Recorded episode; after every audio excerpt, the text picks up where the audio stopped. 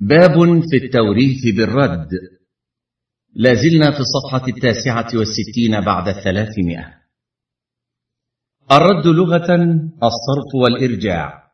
يقال رده ردا أرجعه وصرفه. والارتداد الرجوع. ومنه سميت الردة لأنها رجوع عن الدين الصحيح. والرد في اصطلاح الفرضيين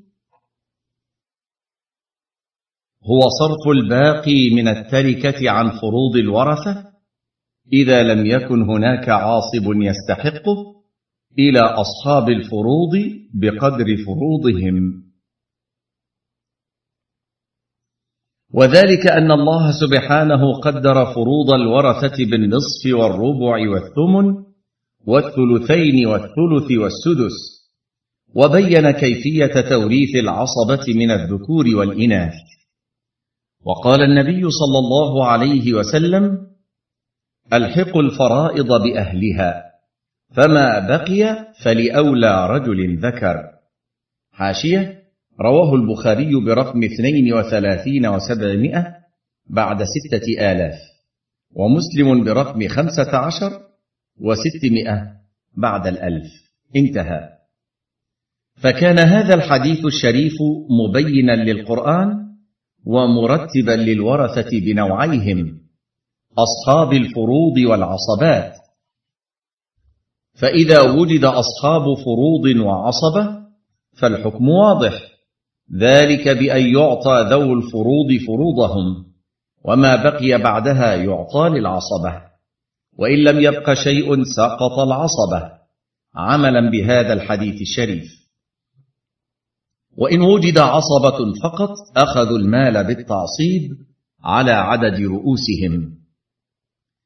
إنما الإشكال فيما إذا وجد أصحاب فروض لا تستغرق فروضهم التركة ولم يوجد عصبة يأخذون الباقي. فالباقي في هذه الحالة.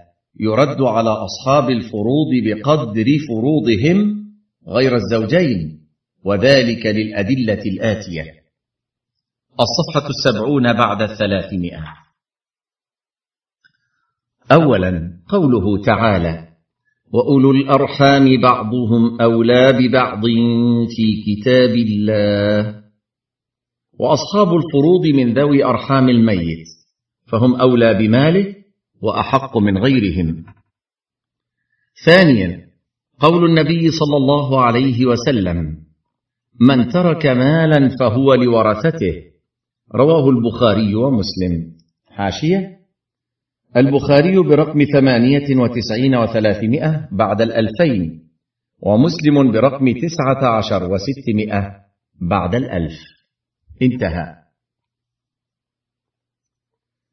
وهذا عام في جميع المال الذي يتركه الميت ومنه ما يبقى بعد الفروض فيكون أصحاب الفروض أحق به لأنه من مال مورثهم.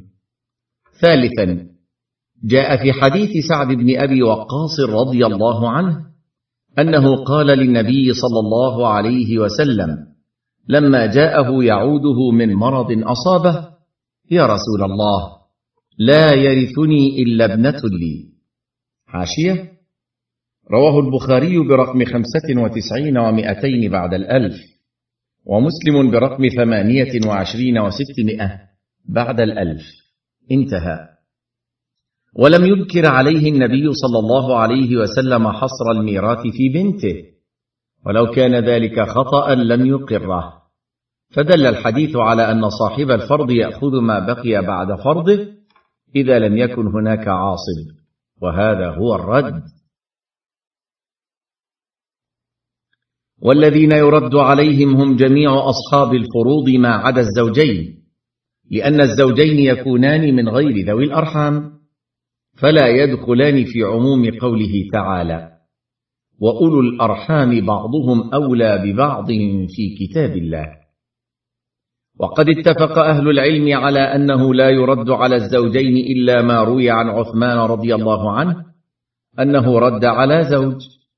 وهذا يحتمل أنه أعطاه لسبب غير الرد ككونه عصبة أو ذا رحم فأعطاه من أجل ذلك لا من أجل الرد والله أعلم.